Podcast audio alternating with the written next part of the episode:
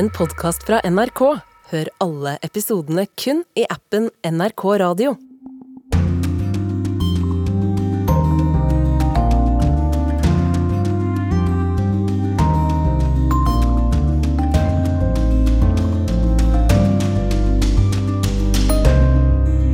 Vi ikke vil at tyranniet skal vinne, så trenger ukrainerne våpen.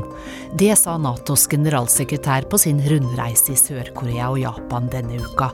Og nå ber han Sør-Korea endre lovene, slik at landet kan levere våpen rett til Ukraina. Mens Japan, som i utgangspunktet er et land med en pasifistisk grunnlov, nå dobler sitt forsvarsbudsjett. Hvordan vil Kina reagere på en slik opprustning? Du hører på Urix på lørdag, hvor du også skal møte en russisk mann som slettes ikke ønsker å kjempe Putins krig. Er du redd? spør jeg. Ja, jeg er redd. Jeg er redd for at de pågriper meg. Trass i at jeg er i min fulle rett til ikke å dra i militæret, er jeg redd for at de henter meg. Og bli med på en helt unik flytur. Steer the airplane into position, and as it slowly begins to roll, we advance. 9.2.1969 var jomfruturen. For første gang gikk jumbojeten med den karakteristiske kulen fremme på nesa, på vingene.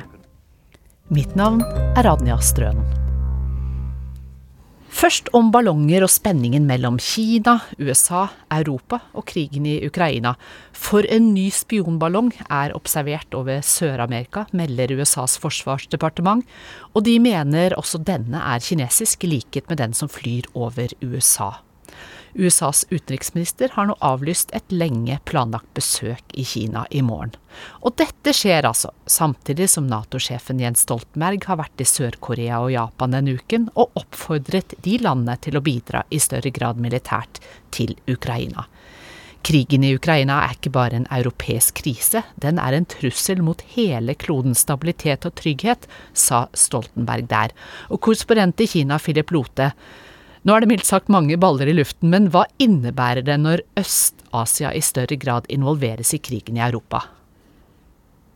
Hvis krigen i Ukraina blir langvarig, så er Sør-Korea en av verdens største produsenter av eh, våpen.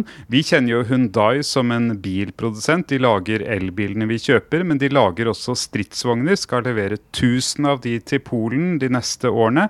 Hvis de begynner å levere våpen direkte til Ukraina, så vil det kunne være avgjørende for krigsinnsatsen. For Japan er veien lenger frem, men også de har avanserte militære systemer som kan hjelpe både Nato-land og Ukraina. Dette skal du få utdype ytterligere om litt, eh, Philip Lote, men først så skal vi gi lytterne litt bakgrunn for hvorfor krigen i Ukraina er i ferd med å bli et politisk vannskille for Japan. For som du nevnte, så har eh, japanerne mye å by på, men de har også en pasifistisk grunnlov, og nå endrer landet militærstrategi og dobler forsvarsbudsjettet.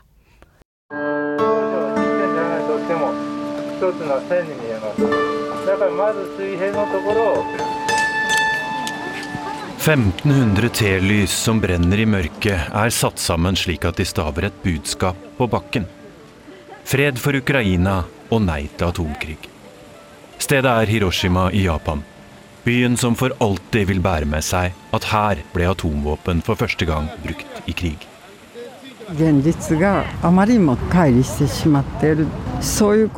Det er trist at verdens harde realiteter er slik at vi fortsatt frykter en atomkrig sier Moritaki Haruko, som organiserer fredsmarkeringen. Hun syns mye er håpløst om dagen, men mener at nettopp Hiroshima har en plikt til å advare verden. It is my earnest hope, and indeed the hope of all mankind, that from this solemn occasion a better world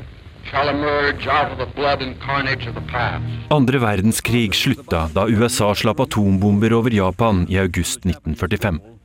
Nå håper vi på en bedre verden, sa general Douglas MacArthur da Japan skrev under på at de overga seg. Stedet var et amerikansk hangarskip i Tokyo-bukta. Datoen var 2.9.1945. Let us pray that peace be now restored to the world and that God will preserve it always. Som et ledd i fredsavtalen fikk det tidligere så krigerske Japan en ny grunnlov. der artikkel 9 forbyr landet å bruke krig for å løse konflikter. Den såkalte pasifismeparagrafen i den japanske grunnloven har seinere bl.a. blitt foreslått til Nobels fredspris. Men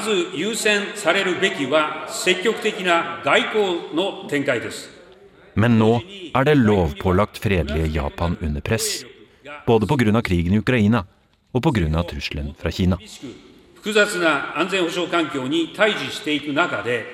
Diplomatiet kommer først, men diplomatiet må støttes opp av et forsvar vi står overfor den alvorligste og mest komplekse sikkerhetssituasjonen siden slutten av andre verdenskrig, sa statsminister Kishida i parlamentet for halvannen uke siden.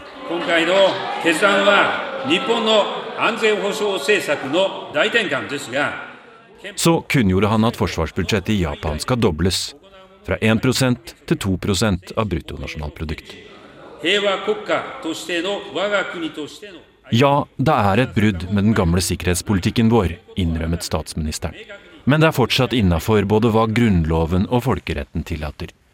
Vårt fotavtrykk på jorda skal fortsatt være som et fredselskende land. Et land som ikke bruker atomvåpen og bare tyr til sjølforsvar, forklarte Fumio Kishida.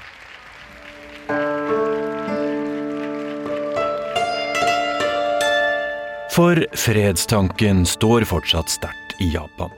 I fjor var det bare 22% av japanere som sa de ville ty til våpen for å forsvare landet sitt om de ble angrepet. Det er lavest av alle land der slike undersøkelser blir gjort. Noe er likevel i endring. Fordi Russland har angrepet Ukraina, fordi Kina truer Taiwan med det samme, og fordi Nord-Korea er en uberegnelig joker i regionen. Uh, Japan is an, uh og i denne situasjonen er det Natos generalsekretær dukker opp på besøk for å be Japan om mer militær hjelp til Ukraina. This war is not just a European crisis. It is a challenge to global security and global stability. Krigen i Ukraina er ikke bare en europeisk krise. Den utfordrer sikkerheten og stabiliteten i hele verden sa Jens Stoltenberg i et foredrag for japanske universitetsstudenter denne uka. Nato-sjefen applauderer Japans beslutning om å bruke dobbelt så mye penger på forsvar. Og for å involvere seg mer i sikkerhetspolitikken. Uh, Og han reiser på besøk til en militærbase for å se på japanske jagerfly. Uh, Japan is uh, one of our oldest and uh, most capable partners, and therefore my visit mer enn 75 år har det gått siden slutten av andre verdenskrig. Kanskje er Japan langsomt i ferd med å oppdage at verden av i dag igjen er blitt et sted der man ikke helt kan stole på freden.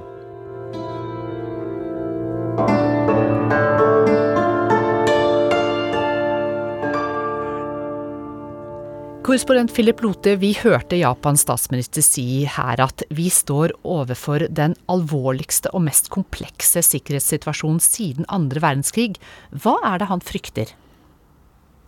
Ja, Det han viser til, er jo et Kina som i større grad ønsker å hevde sine egne interesser, bygger seg opp eh, militært. Eh, og som også sier at eh, de forbeholder seg retten til å gjenforene Taiwan med eh, Kina, og også med tvang og militære midler om nødvendig.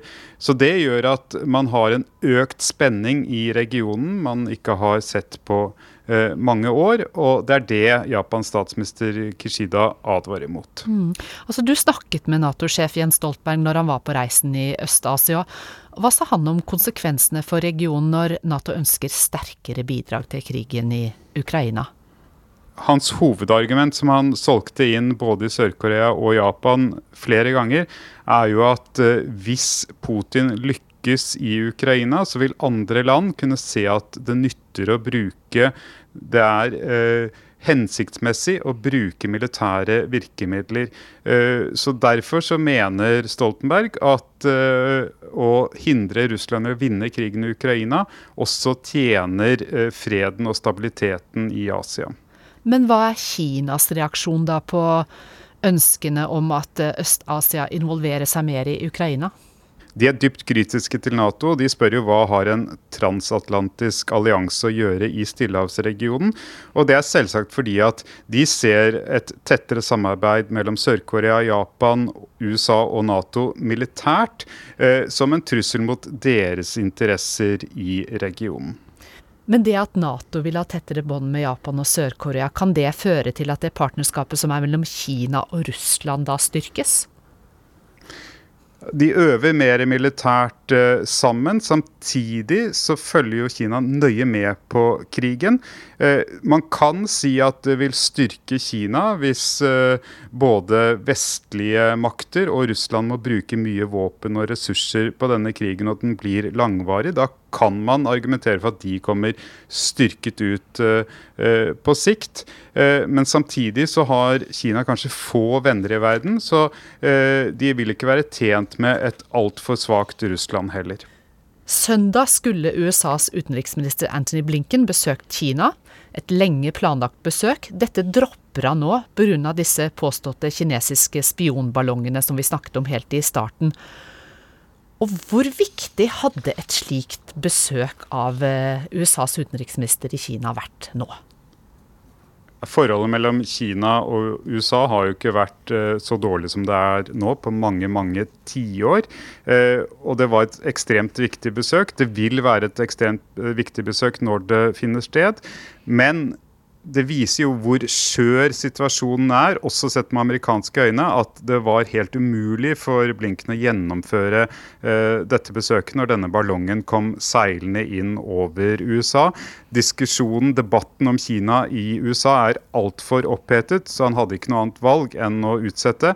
Men det hører med til historien at han tok kontakt med tidligere utenriksminister uh, Wang Yi, som nå sitter i uh, kommunistpartiets sentralkomité, for å høre eh, hans versjon av hva som hadde skjedd, og kommunisere direkte eh, med sin tidligere utenriksministerkollega. Eh, og det ble sagt fra Blinkens side at når situasjonen tillater det, så vil dette besøket bli gjennomført. Takk skal du ha, korrespondent Philip Lote med oss fra Beijing Og vi skal fortsatt ha krigen i Ukraina i fokus, men flytte oss til Russland, for krigen påvirker i høy grad livet til mange unge menn der. Flere hundre tusen, som mange av oss fikk med oss, rømte fra Russland da president Putin innførte delvis mobilisering i fjor høst. Men mange ble jo igjen av ulike grunner, og vår Moskva-korrespondent Groholm har møtt en militærnekter som er konstant redd. Здравствуйте, меня зовут Григорий, мне 25 лет, я живу в России. Ну и, мягко скажем, то, что сейчас творится, меня не особо устраивает. Jeg heter Grigori. Jeg er 25 år og bor i Russland. Det som foregår nå, liker jeg mildt sagt dårlig.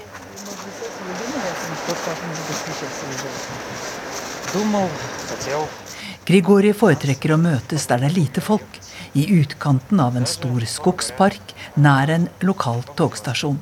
Det er mørkt, og vi ser hverandre takket være lyset fra lampa til NRKs fjernsynskamera. Han er militærnekter, og fikk allerede for tre år siden i tillegg en legeerklæring på at han ikke er stridsdyktig.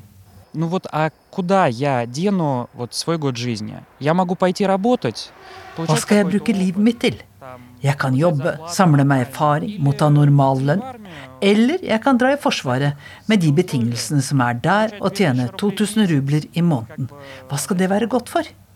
После того, как э, случилось то, что случилось э, с 24 февраля, Etter 24.2 i fjor ville jeg nok skrevet om søknaden om fritak fra militærtjenesten, tatt med mer om militærets rolle og om den politiske situasjonen, sier Grigori.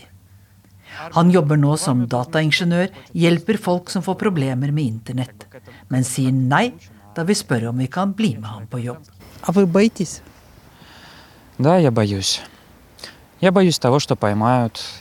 Er du redd? spør jeg. Ja, jeg er redd. Jeg er redd for at de pågriper meg. Trass i at jeg er i min fulle rett til ikke å dra i militæret, er jeg redd for at de henter meg. Jeg er redd for at de henter broren min. Боюсь того, что Han har fått hjelp fra en organisasjon i St. Petersburg som kaller seg Bevegelsen for bevisste militærnektere. Noen råd har han fått fra dem, noen er hans egne forsiktighetsregler. э, минимизировать контакт с э, властями. МФЦ, полиция, пожарные, там, не Det er знаю. best å minimalisere kontakten med myndighetene, sånn som de kommunale, politiet, brannvesenet. Du bør ha flere steder å overnatte, unngå steder med mange mennesker, som metroen og stoppesteder for lokaltog og buss, sier Grigori. Selv skifter han stadig overnattingssted. Э, Там много людей. Han innrømmer selv at han har trekk av paranoia. Вы заходите в подъезд, вы видите, что на вашем этаже стоит лифт, и вы не знаете, это за вами пришли или нет. Du går inn i oppgangen din, ser at heisen står i din etasje. Du vet ikke om de kom for å hente nettopp deg, eller ikke. Du tenker 'søren, skal jeg ta trappene for sikkerhets skyld'? Eller eh, kanskje til og med kanskje best å overnatte i skogen? Forestill deg at du har slike tanker 24 timer i døgnet. Jeg spør eh, om han har tenkt tanken eh, å dra fra Russland. Так мало того, что хотел, хочу уехать. Selvsagt vil jeg gjerne dra. Det har jeg hatt lyst til i flere år allerede. Før var det andre grunner. Nå har dette uvesenet kommet i tillegg. Men hvor skulle jeg vel dra? Grensene er i prinsippet åpne, men i praksis er det både vanskelig og dyrt å krysse grensa. Hva så med barn og familie, spør jeg. Вот с детьми сейчас... Я не знаю, как заводить детей в России в принципе. Jeg vet ikke hvordan en skal ta seg av barn, stifte familie i Russland i dag, svarer Grigori.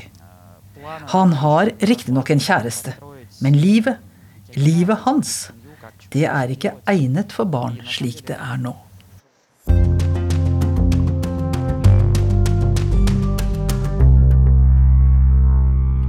I Israel og på Vestbredden så blir familieboliger til palestinere jevnet med jorda hvis en av dem som bor på adressen, dreper en israeler. Og nå vil også den israelske regjeringen gjøre det samme med boligen til 13-åringen som såret to israelere. Kollektiv straff er klart i strid med menneskerettighetene, men har vært praktisert i årevis overfor palestinere for å avskrekke, og mange mener dette har en motsatt effekt. Det bores og bankes. Leiligheten ødelegges steg for steg. Selv ikke vinduskarmene i boligblokken spares. Igjen står et stort sår i blokka der familien pleide å bo. Jeg savner alt. Rommet mitt. Alt ved leiligheten savner jeg, sier 14 år gamle Mohammed. Nå bor han og resten av familien på sofaen til besteforeldrene. Det var straffen for at storebroren hans skjøt og drepte en politikvinne. Hva galt har vi gjort? Tror du at jeg ville ha tillatt det om jeg visste hva sønnen min skulle gjøre? Selvfølgelig ikke, sier mor Wafa Tamimi. Israeli killed, um, they will issue an order to demolish the house. Hver gang en israeler blir drept av en palestiner, gir myndighetene ordre om å rive familieboligen, sier Jessica Montell. Hun leder en menneskerettighetsgruppe av jurister som bistår familiene i å anke slike rivingsvedtak. Myndighetene argumenterer for at det virker avskrekkende, og den israelske organisasjonen Hamokeds taper så å si alle saker, og familier blir satt på bar bakke. You have a lot of innocent people living in the house, you. Du har mange uskyldige i huset. Familien som ikke visste om angrepet. Noen ganger er argumentet at de visste det og kunne ha forhindret det. Men av og til får vi små seire, sier hun. Let's say instead of having the whole house demolished, they will demolish just one room. I mean, that's, in these cases, that's the success. Akkurat nå har de to vanskelige saker på bordet. Den 21 år gamle palestineren som drepte sju israelere forrige helg ved en synagoge i Jerusalem, og 13-åringen som såret to dagen etter. Begge blir sett på som hevnangrep etter at ti palestinere, blant dem flere sivile, ble drept i Jenin rett før. Ungdommer NRK snakker med ved synagogen, mener familien bør kunne straffes for det som skjedde. I'm sure a severe punishment is what's needed uh, in order to uh, make uh, again. Jeg er overbevist om at strenge straffer er det som må til for å hindre at det skjer igjen, sier 17 år gamle Effe. It really depends um, if the pa- if the family supports um, the act. Hvis familien støtter handlingen, så tenker jeg at det er riktig, fordi de har påvirket ham. Men går de ut og beklager, så burde ikke huset rives. Det har de ikke gjort, så de er trolig på hans side, mener 18 år gamle Shashi. Um, on his side. Her nede river de flest hus.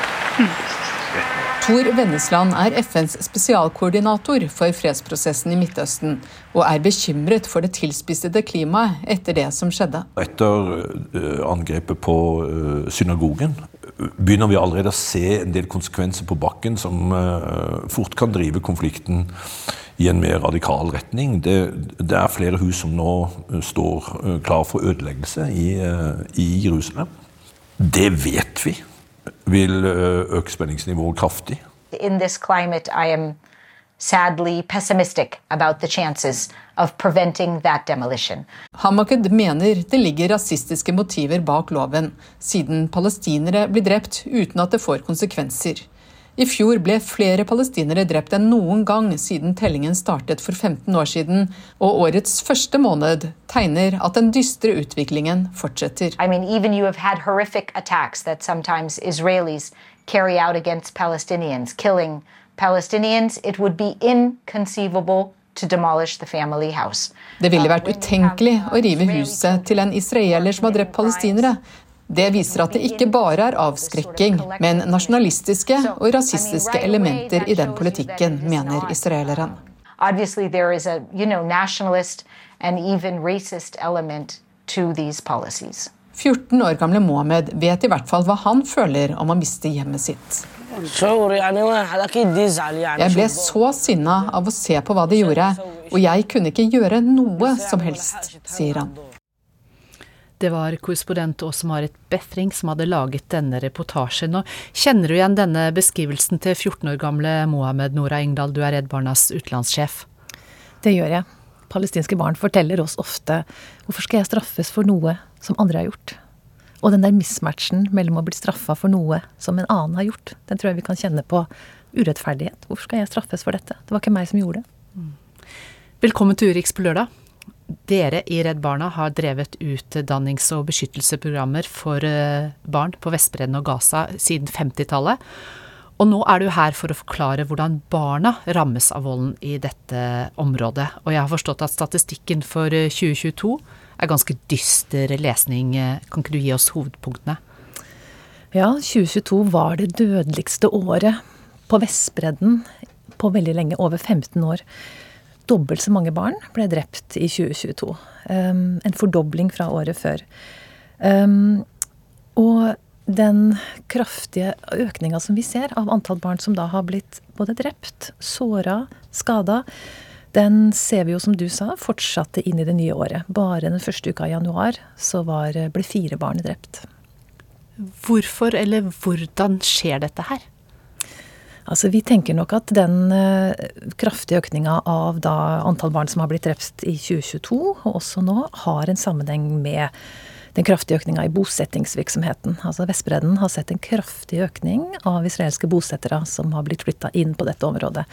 Bare sånn påminnelse, Folkeretten er veldig tydelig på det. At en stat har ikke lov å flytte egen befolkning inn på okkupert område. Men det har jo skjedd. Det har vært en 16% økning. Det bor altså 500 000 israelske bosettere nå på Vestbredden. Dette er et bitte lite område. Det bor tre millioner palestinere der. Og disse bosetterne er væpna. Og de får lov å være væpna. Og det er sikkerhets, israelske sikkerhetsstyrker som også er da rundt de. De kjører på egne veier. De kjører ofte fryktelig fort. Vi har sett at palestinske barn har blitt påkjørt, men også da blitt eh, eh skutt på og, og banka opp og tatt. På vei til skolen? På vei til skolen, f.eks. Um, vi, ser, eh, vi jobber jo mye med, med både trygge barna til å komme seg til skolen, men vi jobber også inne i klasserommet. Um, noe av det vi har eh, opplevd, bare for å ta den på, på, på skoleveiene, altså barn som da på, Dette er Vestbredden. Så bare sånn, huske på Vestbredden er så lite. Det er bare 11% av Vestbredden som er kontrollert av det vi kaller palestinske myndigheter. Dvs. Si at det store flertallet av palestinere bor i sånne små øyer, egentlig, og må da kon eh, krysse kontrollposter for å komme seg hjemmefra, f.eks. over til skolen. Så når barna da har, eh, endelig kommer seg på skolen, så er de ofte så stressa og så redde at uh, Snakka med en lærer i går uh, som jobber da, og hun da, forteller da at Hun sier at vet du hva, jeg må gjøre pusteøvelser med barna Nora, sier hun, før jeg kan helt tatt begynne å prøve å få noe faglig lærdom inn i det. Mm. For de har altså et så stress, høyt stressnivå. Har ja, som sagt gått, eh, kryssa en kontrollpost, blir møtt med en israelsk soldat. Um, og dette er barn vi snakker om, altså, som har det er skoleveien hver dag. Hva gjør det med dem å leve midt oppi denne, denne voldsspiralen? Ja, nei, hva gjør det med barn? Og, Ja, du sa jo de ble stressa, men eh, Mm, ikke sant? Nei, hva gjør det med barn? Altså det, jeg tror noe av det vi uh, i Redd Barna ser, og også som våre lokale partnere forteller oss, er at de ser et barn som egentlig ikke er barn. Um, også denne læreren sa til meg De snakker jo ikke som barn lenger. Um, de, eh, de, de får jo med seg alt som skjer, hva de voksne snakker om. De får med seg nå at det er en israelsk eh, regjering nå som har sagt at de kommer til å bygge ut antall bosettinger. Det kommer til å bli flere bosettinger. De hører også at det er en israelsk regjering som sier at det er greit å skyte barn. Altså at, det en, at de får mer og mer våpen, disse bosetterne. Um, og jeg, vi ser nok at um, barna væpner seg. Læreren som jeg snakka om, hun hadde også fortalt at barn barna hadde kommet med kniver på skolen.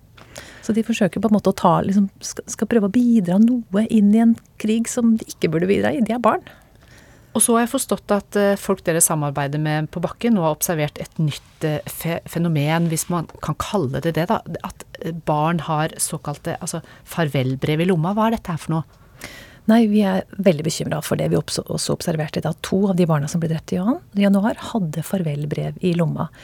Den ene 14-åringen han, Jeg kan lese litt fra det brevet. Ja, hva skriver han? Han skriver um, Jeg hadde så mange ønsker, og jeg gir, vil gi en beskjed til min elskede flyktningleir. Dette er flyktningleiren til Heishe utover Betlehem. Han skriver Ikke la mamma være igjen aleine. Pass på henne. Jeg ber dere alle i leiren om å tilgi meg, og til mine venner og kjære, ikke glem meg. Dette er altså en 14-åring som skriver. Og dette går barn da med i lomma, tilfelle de ikke kommer seg hjem den dagen. Ja. Altså det er, men det er noe nytt vi har observert. Vi har ikke sett, og vi er kjempebekymra for dette. Fordi for, for oss i Redd Barna så handler det om hva skjer med barn som ikke har noe håp. Når man mister håpet om at det er vits å ta utdanning, gå på skole, sitte og pugge fysikken, jeg vil kunne få meg en jobb. Um, og, og, og denne fryktelige håpløsheten som da barn eh, blir et offer for, det er jo noe av det verste du kan gjøre mot et barn. Å ta fra de håpet. Da må jeg jo spørre Nora Ingdal, fins det noe håp oppi denne elendigheten? Altså For meg så er det disse lærerne som ikke gir opp barna. De fortsetter å undervise. Men også barn som vi ser tar, prøver å ta mestring over egne ting. Vi har bl.a. barn som engasjerer seg i, eh, i hva heter det, ruskenaksjoner. Og de har da kunnet på en måte, sånn, de, de på en måte forsøke å påvirke en liten del av hverdagen sin, som er da å forbedre forholdene rundt der de bor, til og fra skolen. Så det er jo av det som gir meg håp. Men klart det store bildet her, at det ikke er en politisk fremtid, at det ikke er en dialog, det gjør oss fryktelig urolig. Takk til deg, utenlandssjef i Redd Barna, Nora Ingdal.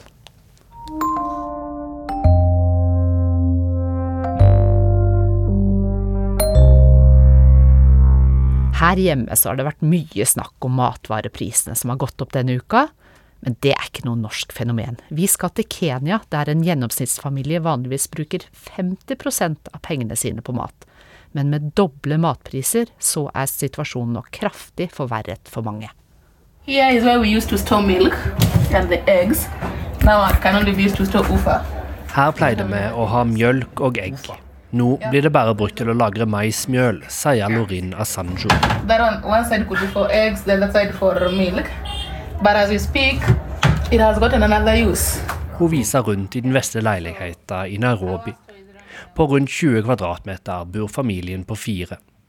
De to foreldra er lærere med vanlige kenyanske lærerlønninger. De er ikke blant de fattigste, men de har heller ikke stort spillerom når matprisene går opp.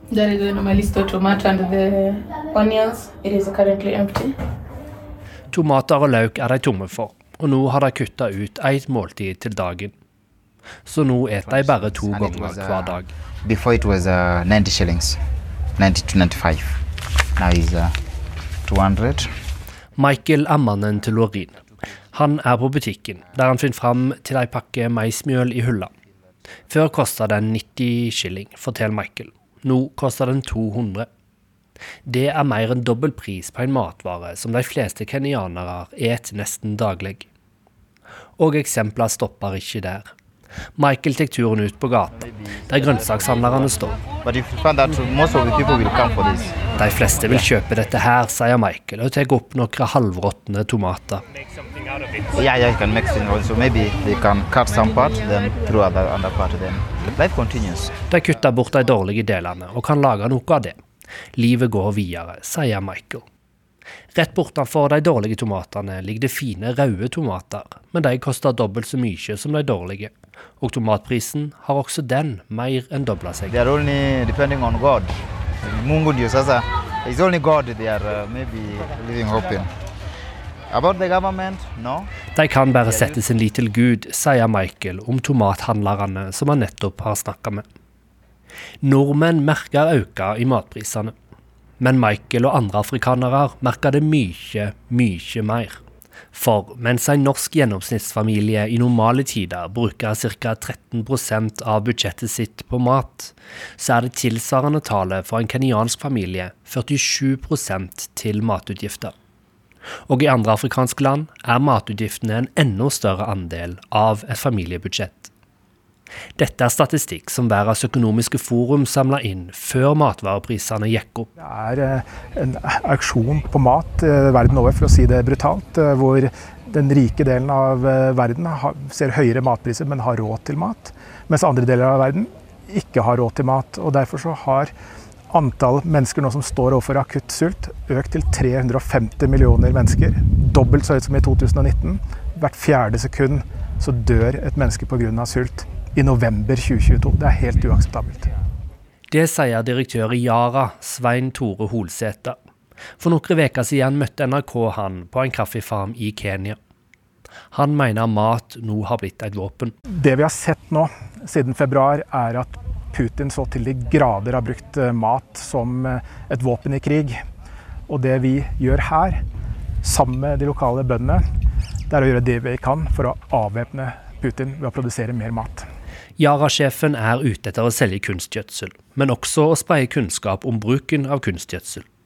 Et formål er at selskapet hans tjener penger på det, men han mener også at kunstgjødsel er en viktig del av svaret på problemet som økende matpriser skaper. Ja, jeg tror det her er Afrikas tid. Eh, Det vi ser nå, er at verden trenger mer stabil produksjon av mat. Eh, Russland har brukt mat som våpen. Da må vi finne andre steder det kan produseres. Og det mest åpenbare stedet man kan gjøre det, det er akkurat her i Afrika.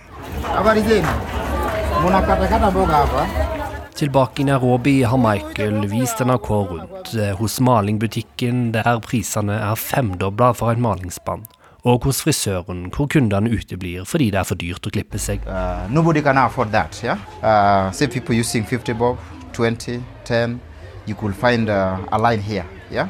Ingen tar seg råd til å betale for frisøren, forklarer Michael, før han inviterer NRK med tilbake til den vesle leiligheten.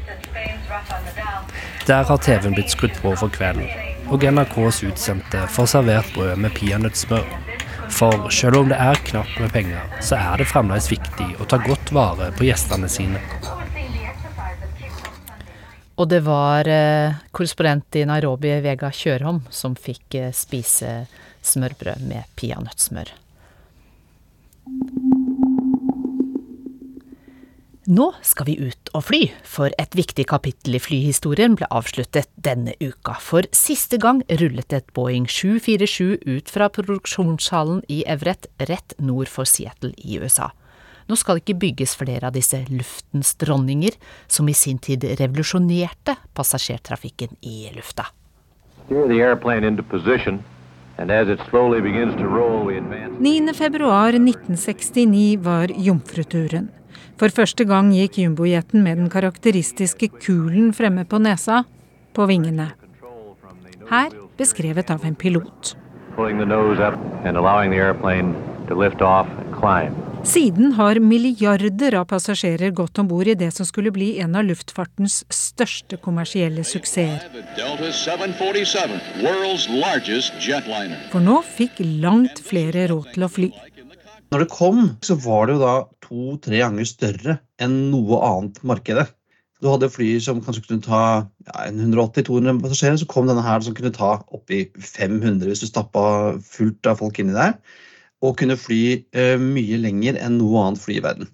Så det, Den brakte jo på en måte verden sammen på en eller annen måte, og så demokratiserte det å reise med fly.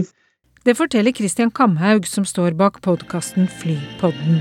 Pan Am will bring you the world's first 747. Jumbojeten ble kjempepopulær og ble tatt først i bruk av legendariske Pan Am. Det fløy raskere og hadde lengre rekkevidde enn noen annen flytype. The spiral stairway that leads to the fabulous red carpet room. Spiraltrappen som gikk opp til flyets annen etasje, ble et kjent symbol. Og flyet, denne særegne kjempen, ble spesielt populær blant entusiaster. Ja, du vet, Vi som er flynerds, sånn som, sånn som meg, vi er veldig glad i denne maskinen. Vi kaller den jo for the queen of the skies. Hvis du går på Gardermoen i dag og ser på flymaskinene som er der, så er det det ser ganske likt ut. Det er et langt rør, og så er det én motor under hver vinge, sånn, og det er det. Alt er ganske likt. Mens en Boeing 747, eller en jumbojet som den også kalles av mange, har jo et helt særeget utseende. Den er svær, den er diger. altså Den er jo 70 meter lang. Veier en 400 tonn, liksom. Det er enorme greier. Eh, og så er den eh, bred, høy, har fire motor, to, to, under hver vinge. Og så har den denne helt karakteristiske skal jeg kalle den, skal jeg kalle den en, en, en pukkel på foran. Fordi cockpiten her sitter på toppen, eh, og så har du noen seter på toppen, og så har du mesteparten av flyet under. Så det har en veldig spiss nese, og så har det en stor klump, klump sier noen litt sånn uærbødig om denne på toppen. Men det har, som gjør at den har veldig, veldig særlig utseende. Du kjenner den igjen med en gang.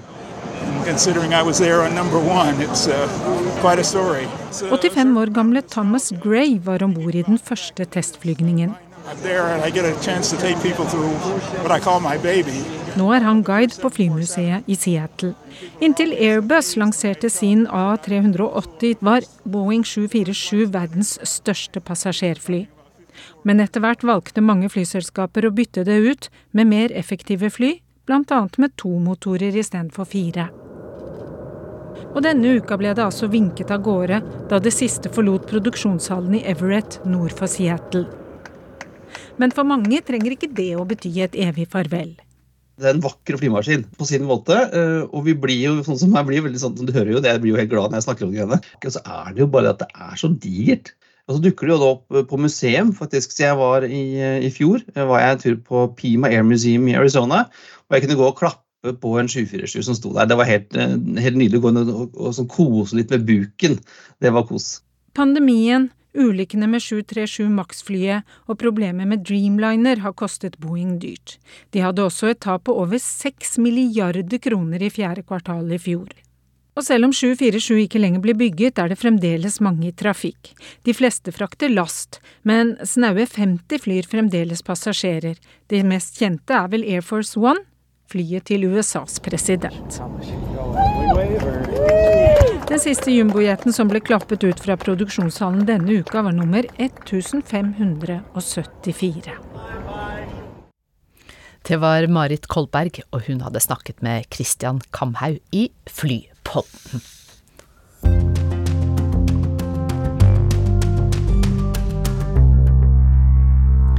Minst 100 personer ble drept og over 220 såret under et selvmordsangrep i en moské i Peshawar i Pakistan tidligere i uka. Pakistans Taliban, også kjent som TTP, sier de står bak. Det har det vært noen diskusjon rundt, men korrespondent Yama Wolasmal, vet vi noe mer om dette stemmer? Altså Deres offisielle talsmann har ikke uttalt seg om dette angrepet, men flere av deres kommandanter har gått ut og sagt at de eh, står bak eh, dette terrorangrepet. Uansett spiller det liten rolle for eh, pakistanske myndigheter, er hellig overbevist om at det er TTP, pakistansk Taliban, som står bak dette grufulle angrepet på moskeen. Og Grunnen til at alle spor peker i den retning, er fordi de for noen måneder siden gikk ut av en våpenhvile med den pakistanske staten, og da erklærte de full krig mot både den pakistanske staten, sikkerhetsstyrkene og politiske ledere. Så man så at dette kunne komme? Ja, Dette lå i kortene, eh, og derfor er veldig mange overrasket over at ledelsen i Pakistan eh, at dette kommer som et sjokk på dem, eh, når TTP bare for noen måneder siden sa at de kommer til å trappe opp angrep over hele Pakistan. Men du, hvem er egentlig Pakistans Taliban? Er det noe forskjell på dem og Taliban i Afghanistan? Ikke noen forskjell i det hele tatt. Eh, pakistanske militærledelsen har beskrevet eh, disse to bevegelsene som to sider av samme mynt. De kommer fra den samme pashtunske etniske eh, grupperingen som finnes både i Pakistan og Afghanistan. De følger den samme erkekonservative, ekstreme tolkningen av islam. De ønsker å etablere en stat basert på strenge sharia-lover, en tolkning av religion som de er alene om i hele den muslimske verden. I Afghanistan har bevegelsen lykkes, der har de etablert staten, og vi ser hvordan det går. Mm. I Pakistan ønsker nå deres eh, fettere, hvis vi kan kalle dem, å, å etablere en lignende stat eh, i, eh, i, Pakistan. Men hvilket forhold har da Pakistan til Taliban? Det spørs hvilken del av Taliban man snakker om. Det pakistanske myndigheter har gjort de siste 20 årene, at de har gjort forskjell på afghansk Taliban, som de har støttet fullt og helt. De har gitt dem eh, militær trening, de har gitt dem økonomisk støtte, de har gitt dem våpen, de har gitt dem husly. Deres skadde har fått behandling ved pakistanske sykehus fordi man så på afghansk Taliban som støttespillere, som en viktig brikke i å vinne kampen i Afghanistan. Men så har man samtidig sagt at pakistansk Taliban er en terrorgruppe. Man har prøvd å gjøre forskjell på disse gruppene, når det egentlig ikke er noen som helst forskjell på dem. Hva har de oppnådd med det? Altså, De trodde jo at de skulle få sine støttespillere i Kabul eh, til å overta makten. Eh, men eh, Taliban i Afghanistan har jo vendt Pakistan ryggen fullstendig. Eh, de er ikke lydhøre for noe som helst som kommer fra pakistansk side. Eh, nå ser vi at TTP-ledelsen holder til i Afghanistan. De får beskyttelse av afghansk Taliban. og Det har satt egentlig den politiske ledelsen i Pakistan litt eh, ut. For de trodde jo at afghansk Taliban skulle spille ball med dem, at de skulle samarbeide med dem, og at de i hvert fall ikke skulle gi ly til terrorgrupper som rammer mål i Pakistan. Men ja, men hva i alle dager var det som fikk Pakistan til å stole på Taliban?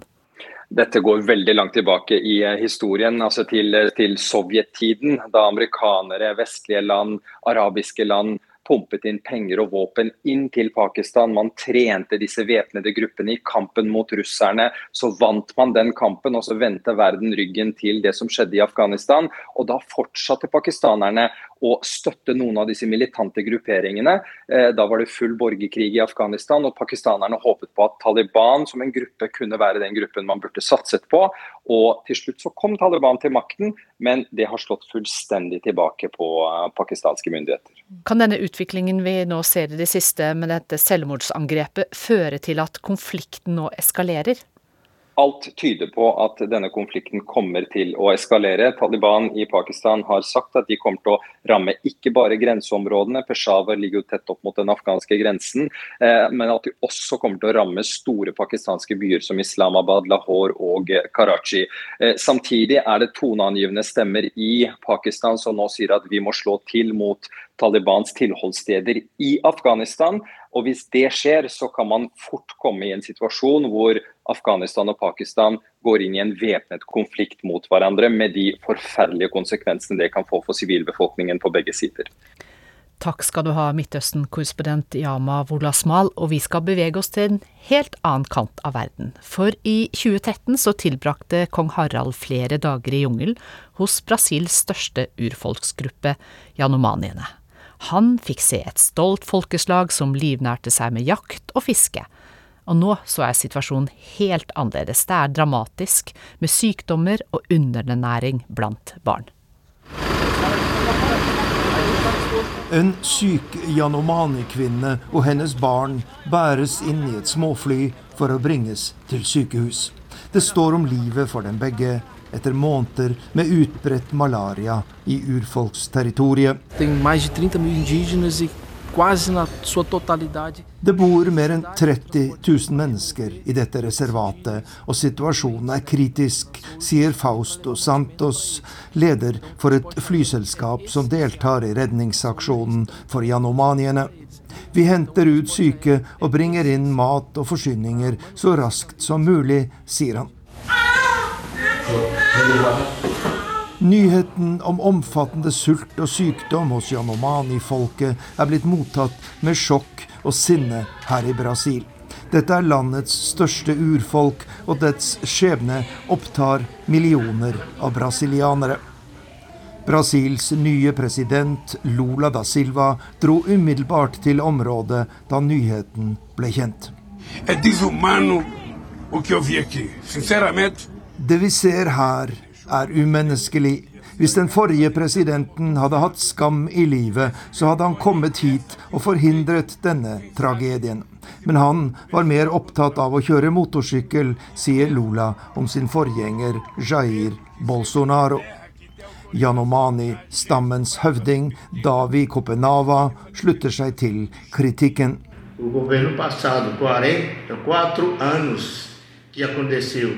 Den forrige regjeringen gjorde ingenting for å hjelpe oss i de fire årene den satt ved makten. Den var ikke opptatt av Yanomani-folkets helse, selv om vi ba om hjelp en rekke ganger, sier Davi Kopenava, som var en god venn i Norge.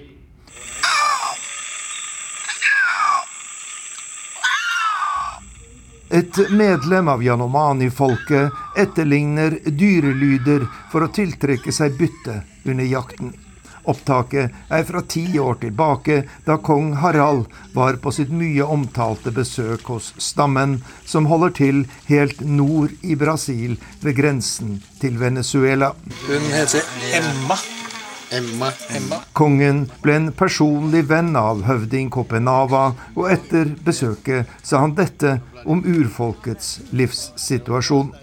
Jeg har et inntrykk av at de har det veldig bra. Jeg tror de er veldig fornøyd med, med det de har. Og de jakter og fisker og Ja. til livets opphold. Ti år senere er situasjonen en helt annen, og den viktigste årsaken er denne.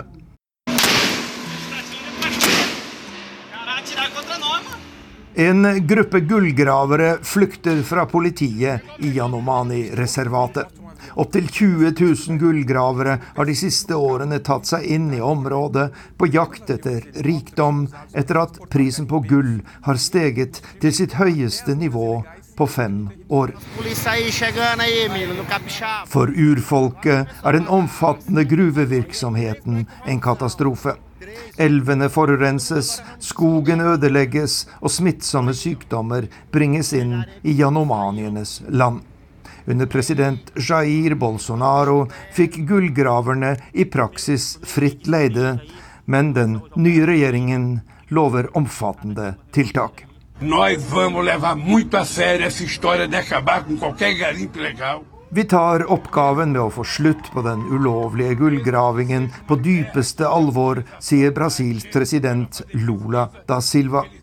Og han kunngjør en rekke tiltak, som forbud mot fly og elvebåter som bringer inn forsyninger til gullgraverne.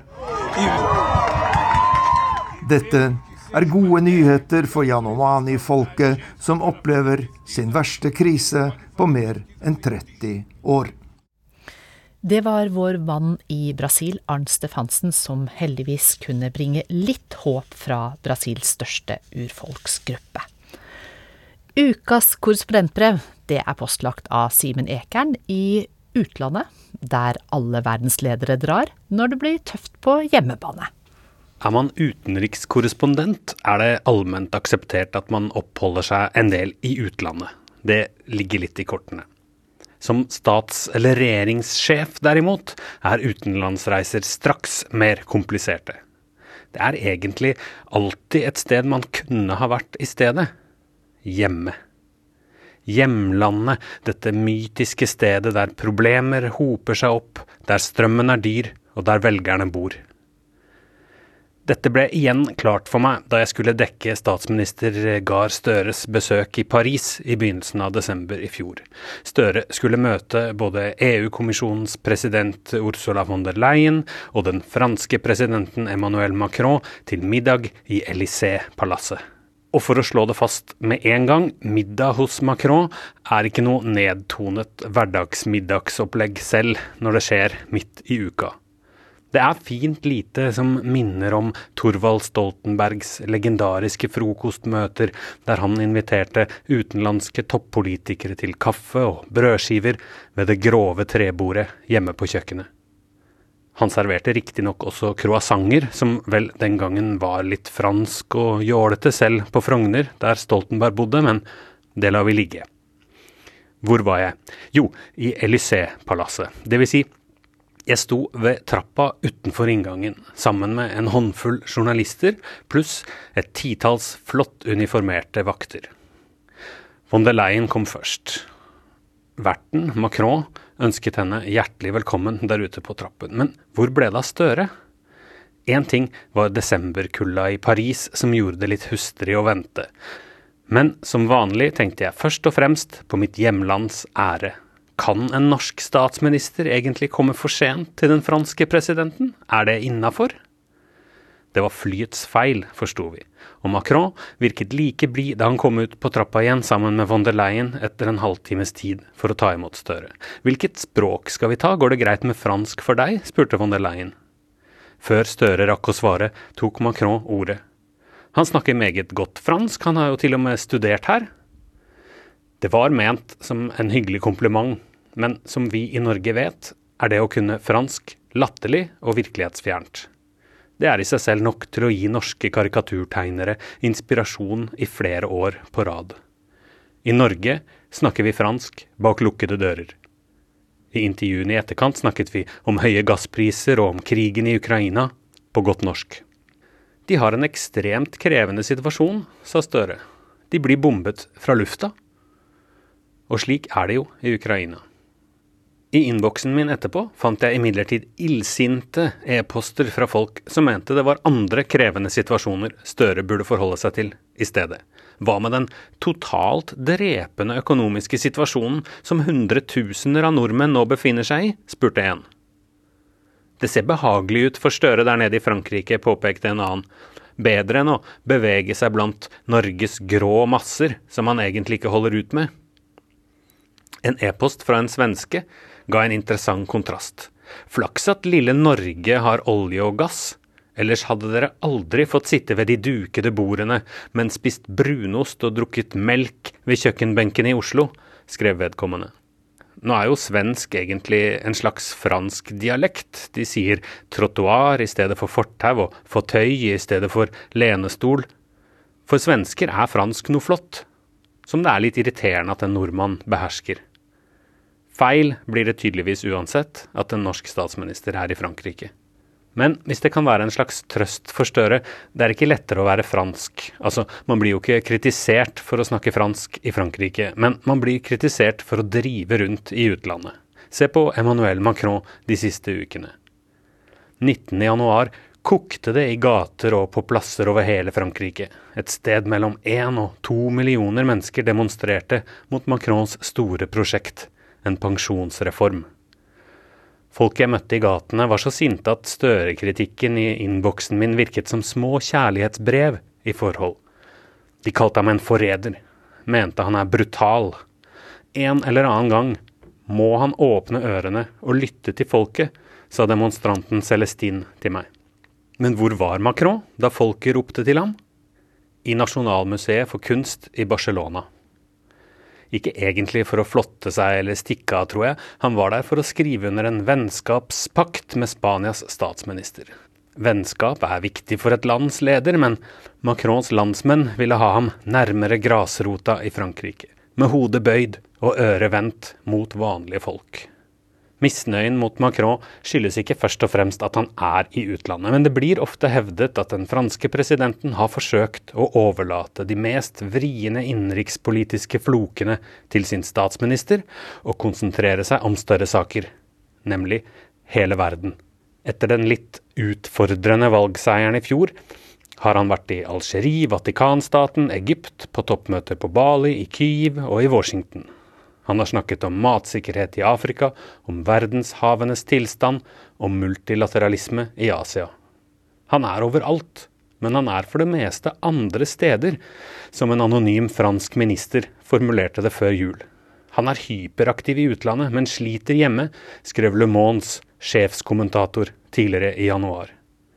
En fransk forsker har sammenlignet det hele med Bill Clintons andre periode, hardt merket av Monica Lewinsky-skandalen. Han vendte seg i stedet mot den internasjonale scenen og prøvde å løse saker på Balkan, Midtøsten og Kina. Det finnes mange sånne eksempler, og felles for dem alle er at de oftest er sarkastiske. Samtidig, i rettferdighetens navn er verden full av statsledere som holder seg mest hjemme, og ikke alle ville gjort det skarpt i demokratiske valg, verken i Norge eller Frankrike. Skepsisen til utlandet er sterk hos mange. Viktor Orban i Ungarn f.eks. har holdt taler der han har utvist en viss skepsis både til ungarske studenter som studerer i utlandet, og til sine egne diplomater. De har oppholdt seg en hel del i utlandet, nemlig. Kan vi være sikre på at de ikke har glemt sitt eget lands interesser? Her er vi jo ikke ennå i Norge, tror jeg. Diplomater, studenter og utenrikskorrespondenter kan få være utenlands. Og som en trøst for stats- og regjeringssjefer med hang til reising, kan man jo trekke fram en stor internasjonal meningsmåling fra i sommer, der det kom fram at Emmanuel Macron var den statslederen folk rundt omkring i hele verden hadde størst tillit til når det gjaldt å gjøre det rette for verdenspolitikken. Det er ikke det samme som å bli elsket hjemme, så klart, men verden er tross alt også et viktig sted. Urix på lørdag takker for laget. Husk at du kan høre oss når som helst som podkast. Teknisk ansvarlig Bobo Bjørnskjold, produsent Erlend Rønneberg og i studio Anja Strøm.